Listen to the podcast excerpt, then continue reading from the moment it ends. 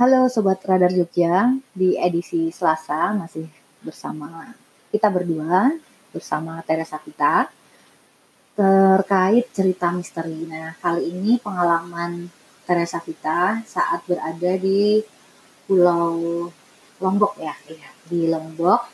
Dan uh, kita ini saat itu sedang menginap di salah satu penginapan yang tanahnya merupakan bekas ritual ngaben dan inilah ceritanya. Silahkan halo sobat radar Jogja. Ketemu lagi. Dari mana ya ceritanya ya? Dari awalnya aja deh. Dari awal. Jadi uh, kebetulan itu aku diajak buat tracer study salah satu kampus di Jogja. Jadi kita tuh mau kayak ketemu alumni di Lombok gitu kan Nah, itu kita empat harian di situ. Dan itu bener khusus cuman aku aja yang berangkat dari Radar Jogja sendiri gitu kan. Nah, kebetulan udah kenal juga sama dosen-dosennya kampus gitu. Terus uh, hari pertama ke sana itu nyampe itu flight dari sini jam 6 sore gitu sih. Nyampe sana ya sekitar jam kan selisih jaman gitu ya kayaknya. Terus malam kita langsung check in ke hotelnya. Hmm, apa sih uh, hotelnya itu tuh sebenarnya itu hotel bintang tiga sih. Banyak kamar, ada model yang maksudnya kayak model bangunan tinggi gedung gitu ada, terus yang model resort juga ada di bawah. Nah, pertama masuk tuh udah udah dibikin kaget sih karena kok suasananya tuh kayak creepy banget gitu kan. Jadi dia tuh pasang lampunya bener-bener kayak remang-remang gitu loh. Nah, terus ada di tengah-tengah hotelnya itu memang lapangan gitu kan. Lapangan terus ada dua pohon gede. Nah, itu nggak tahu sih kayak memang nggak di ditebang. nggak ditebang dan memang udah dibiarin gitu aja di tengah. Sementara yang bangunannya di pinggir-pinggir kayak gitu. Nah udah kita aku masih ingat di lantai tiga kalau nggak salah kamarnya tuh tiga satu tiga apa ya?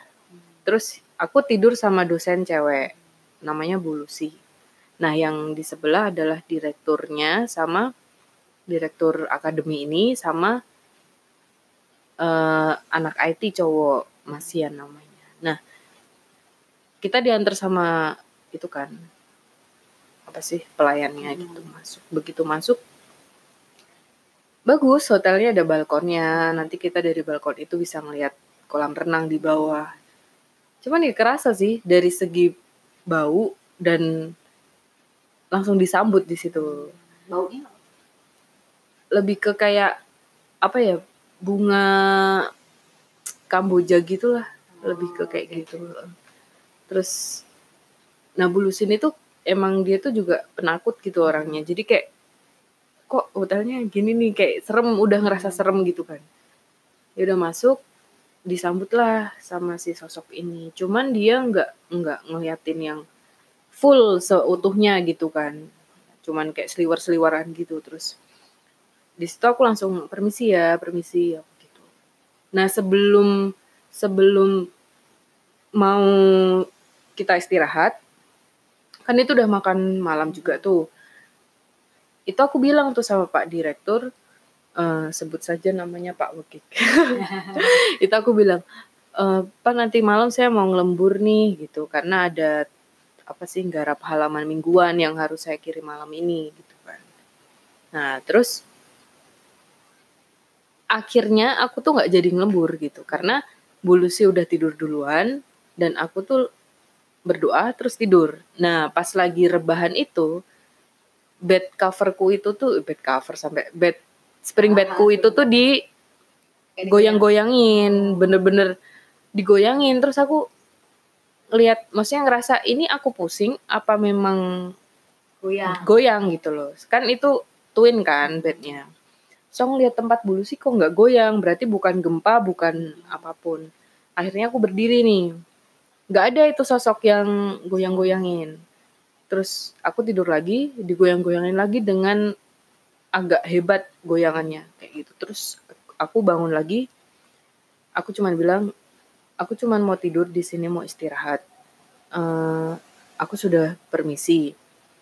Terus kalau memang mau menampakkan diri silahkan menampakkan diri. Jangan ganggu aku bilang gitu. Nah setelah itu dia nggak nggak goyang-goyangin lagi keesokan paginya kita sarapan sebelum berangkat pertemuan.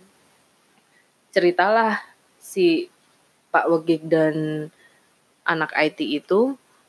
Cerita Mbak Fit kok tadi malam tuh ngelembur apa? Kok berisik banget di sebelah kayak gitu. Hmm. hah? Saya tuh nggak jadi ngelembur pak. Saya jadinya tidur. Lah kenapa?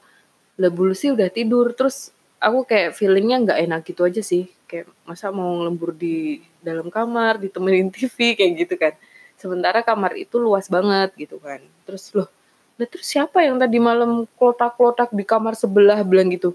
Saya tuh malah dengernya di sebelah pak di kamarnya bapak yang apa sih bunyi-bunyi gitu. Kita tuh nggak bisa tidur loh mbak. Kita berdua tuh sampai jam tiga setengah empat gitu tuh masih melek gitu terus oh gitu ya pak. Malah saya tuh dengernya yang yang berisik tuh kamar sebelah tapi pak Oke malah dengernya di Kamarmu. kamarku gitu. Padahal kan kalau misal lembur garapan ya, paling nggak mungkin seberisik iya, itu kan. Terus ya udah di situ udah mulai nih kita hmm ya udahlah mungkin iya malam pertama dong. Terus bulus itu nyeletuk aduh nanti malam gimana nih kita tidur? Ya udah bu uh, permisi permisi lah sudah. gitu.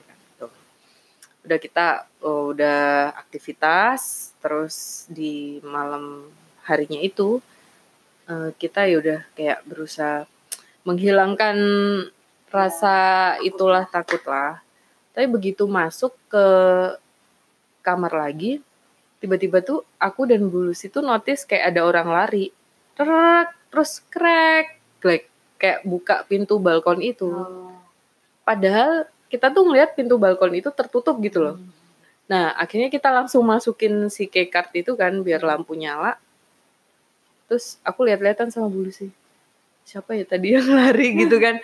Tapi bener-bener suaranya tuh kenceng banget. Kayak orang lari gitu. Heeh, terus lihat kayak nutup pintu gitu loh. Terus di balkon gitu kan. Terus wah ya udah dah tidur-tidur aja gitu kan. Nah, karena hari pertama aku datang itu kan kita malam apa sih makan malamnya pakai ayam taliwang kan dan itu tuh pedes banget dan bikin aku bolak-balik ke WC. Nah, pas apa sih namanya kita tiap pagi itu kan emang nyuruh bersihin apa sih housekeepingnya. Nah pas duduk di apa sih namanya kloset, aku tuh ngeliat ada uh, apa namanya bekas tangan abu-abu gitu di tembok sebelah uh, kloset ini. Kayak pegangan mau ke kusennya pintu itu gitu loh. Terus aku mikir kan masa sih ini tadi nggak dibersihin masnya? Kan apa sih? Ya, jelas banget gitu loh bersih ya nggak ada bekas-bekas apa pun gitu dan kan. itu jelas banget dan lumayan gede gitu tangannya. Terus di situ aku mulai aduh apa lagi nih? Nah pas keluar dari kamar mandi si sosok itu keluar. Oh. Mm. Bentuknya kayak cewek agak tua gitu sih. Uh, bajunya putih. Cuman ya dia memang stay-nya di toilet itu tadi dan mondar-mandir keluar gitu. Nah, terus ya aku cuman bilang, ya udah kamu di situ aja kayak gitu kan, jangan jangan gangguin kita, kita cuman mau istirahat di sini. Terus apa namanya aku nggak nggak mau cerita tuh sama Bu Lucy kan hmm. takut dia ngeri gitu. Hmm. Nah terus di hari selanjutnya itu udah ada dibersihin tuh. Hmm. Nah aku tuh penasaran gitu kan. Tanyalah aku sama salah satu alumni di situ, hmm. alumni akademi ini kan. Aku cerita e, kemarin tuh kita digangguin nih sama yang nunggu hotel aku gitu kan. Terus oh Iya Mbak, memang di sini tuh hotel rata-rata banyak yang bekas ngaben. Oh gitu, jadi dulu tanah ngaben terus dijadiin hotel gitu ya? Iya Mbak, kayak gitu. Itu yang di belakang itu ada hotel A namanya, A belakangnya N. itu itu hotel baru juga. enggak sih kalau yang di Lombok ini yang hotel yang aku maksud ini kayak lebih tua sih kayaknya. Nah, yang di belakang itu ada hotel baru, bangunan baru itu juga katanya tanahnya bekas ngaben hmm. gitu. Terus aku mikir, e, jadi itu alasan kenapa sih pohon-pohon besar itu nggak ditebang ya? Iya Mbak bisa jadi sih mungkin persetujuannya gimana dulu hmm. kurang tahu. Tapi memang terkenal sih di sini kayak gitu. Dan rata-rata memang uh, hotel di Lombok itu angker semua oh, kayak gitu katanya. Iya. Nah ya sudah kita singkat cerita udah hari terakhir kan. Nah kita tuh flightnya pagi tuh. hmm Sementara dari hotel ke bandara Lombok tuh lumayan sih uh, jaraknya. Pokoknya kita tuh harus. Iya ada. Kayaknya kita standby-nya tuh subuh deh jam setengah empat apa gitu. Nah kita abis acara kayak apa sih gathering gitu kan sama alumni alumni di sana. Uh, terus akhirnya kita pulang ke kamar kan Nah, Bulus itu bilang, "Mbak Fit, aku packing sekarang aja," bilang. E, "Eh, packing nanti jam 2 aja, mau tidur dulu." "Oh ya Bu, saya tak packing sekarang aja, jadi biar nanti enak, gak buru-buru." Nah, pas aku udah packing, aku tidur, hmm, terbangun aku jam yang jam-jam 2-an gitu tadilah, eee, Bulus ini lagi beres-beres, packing-packing. Tapi dia tuh nyalain TV-nya tuh kenceng banget. Makanya aku sampai kebangun kan, "Bu, kok kenceng banget TV-nya?" Aku bilang gitu. "Oh, iya Mbak, nggak apa-apa," kayak gitu, "biar aku ada temennya." Gitu. Nah, bangunlah kita jam 3, mandi, setengah 4 OTW gitu ke bandara. Nah, di mobil itu bulu si cerita. Jadi, tadi kenapa aku ngidupin TV-nya kenceng banget, karena kerannya itu dibuka tutup Ih, kayak gitu. terus aku untung malam ini kita udah tidur di rumah kayak gitu kan. Terus aku bilang masa sih bu? Aku nggak denger loh. Lah mbak Vita tidur terus TV-nya aku ya, ini kan ya. nyalain kenceng banget gitu. Dan itu aku sampai nggak berani ke kamar mandi. kamar mandi kayak gitu langsung. Wah sampai se ekstrim itu ya. Iya ya untung ini hari terakhir kayak gitu. Nah terus ada juga nih cerita dari temen yang nginap di uh, Mataramnya juga di Lombok Mataram gitu kan. Itu juga prestur sih, rame-rame teman-teman wartawan. Itu uh, di hotel itu katanya pas hari pertama mereka tuh diketukin semua pintu sampai buka pintu bareng-bareng gitu loh. Oh. Jadi tapi nggak ada orangnya. Terus siapa nih yang tadi ketokin pintu gitu kan? Tapi pada keluar bareng gitu. Terus itu juga sampai uh, ganggunya itu sampai banting handphone dan sampai pecah handphonenya. Oh, iya? mm -mm. Itu ada teman salah satu teman wartawan yang cerita pas pas dia pressure di sana. Uh, uh, gitu. Jadi memang kayaknya di sana tuh emang hotelnya nggak ada yang angker sih. Tapi memang suasananya tuh mungkin suasananya karena tanahnya tadi ya. Mm, terus aku tuh jadi ini deh notice sama yang bekas tangan tadi. Hmm. kan warnanya kayak abu-abu gitu kan hmm. apakah ini bekas pembakaran. Iya atau apalah gitu aku kan jadi iya sampai kayak gitu loh. Tapi aku baru pertama itu sih yang diganggu sampai se ekstrim itu sampai tempat ya, tidur aja uh -uh, gitu loh. Gak cuma sekedar diliatin mm -mm, gitu ya. padahal itu aku sebelum tidur tuh udah berdoa gitu. Cuman memang ngerasa kayak ini ada something yang ya itu tadi energinya lebih kuat gitu. Ya, ya, ya. oke deh dan itu jadi pengalaman tersendiri ya karena mm -hmm. kayak harus tiga hari di kamar mm -hmm. itu. Iya makanya. dan nggak mungkin kan minta pindah. Iya itu terus. Dan itu tuh ada sekitar lima ratusan kamar gitu deh. Saat dalam satu hotel itu? Iya banyak oh, banget. banyak dan banget. itu di lantai tiga di bagian lorong tempatku itu tuh cuman ada tiga kamar yang terpakai. Oh jadi sisanya benar-benar kosong gitu iya. ya? jadi mungkin ramenya kalau pas lagi musim liburan ah. sih karena waktu itu tuh nggak musim liburan orang. Mas musim penghujan awal tahun gitu kok hmm. aku ke sananya.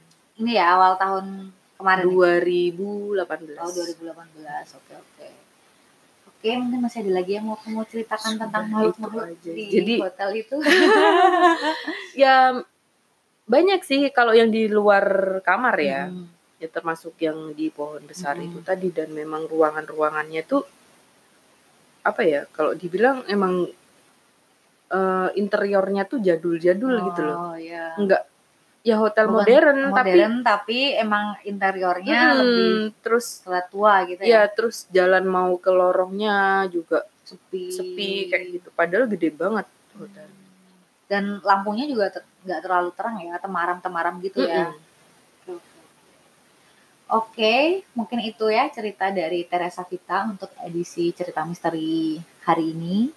Kita akan ketemu lagi di cerita misteri selanjutnya di Selasa depan. Oke, sekian dulu. Bye. Bye.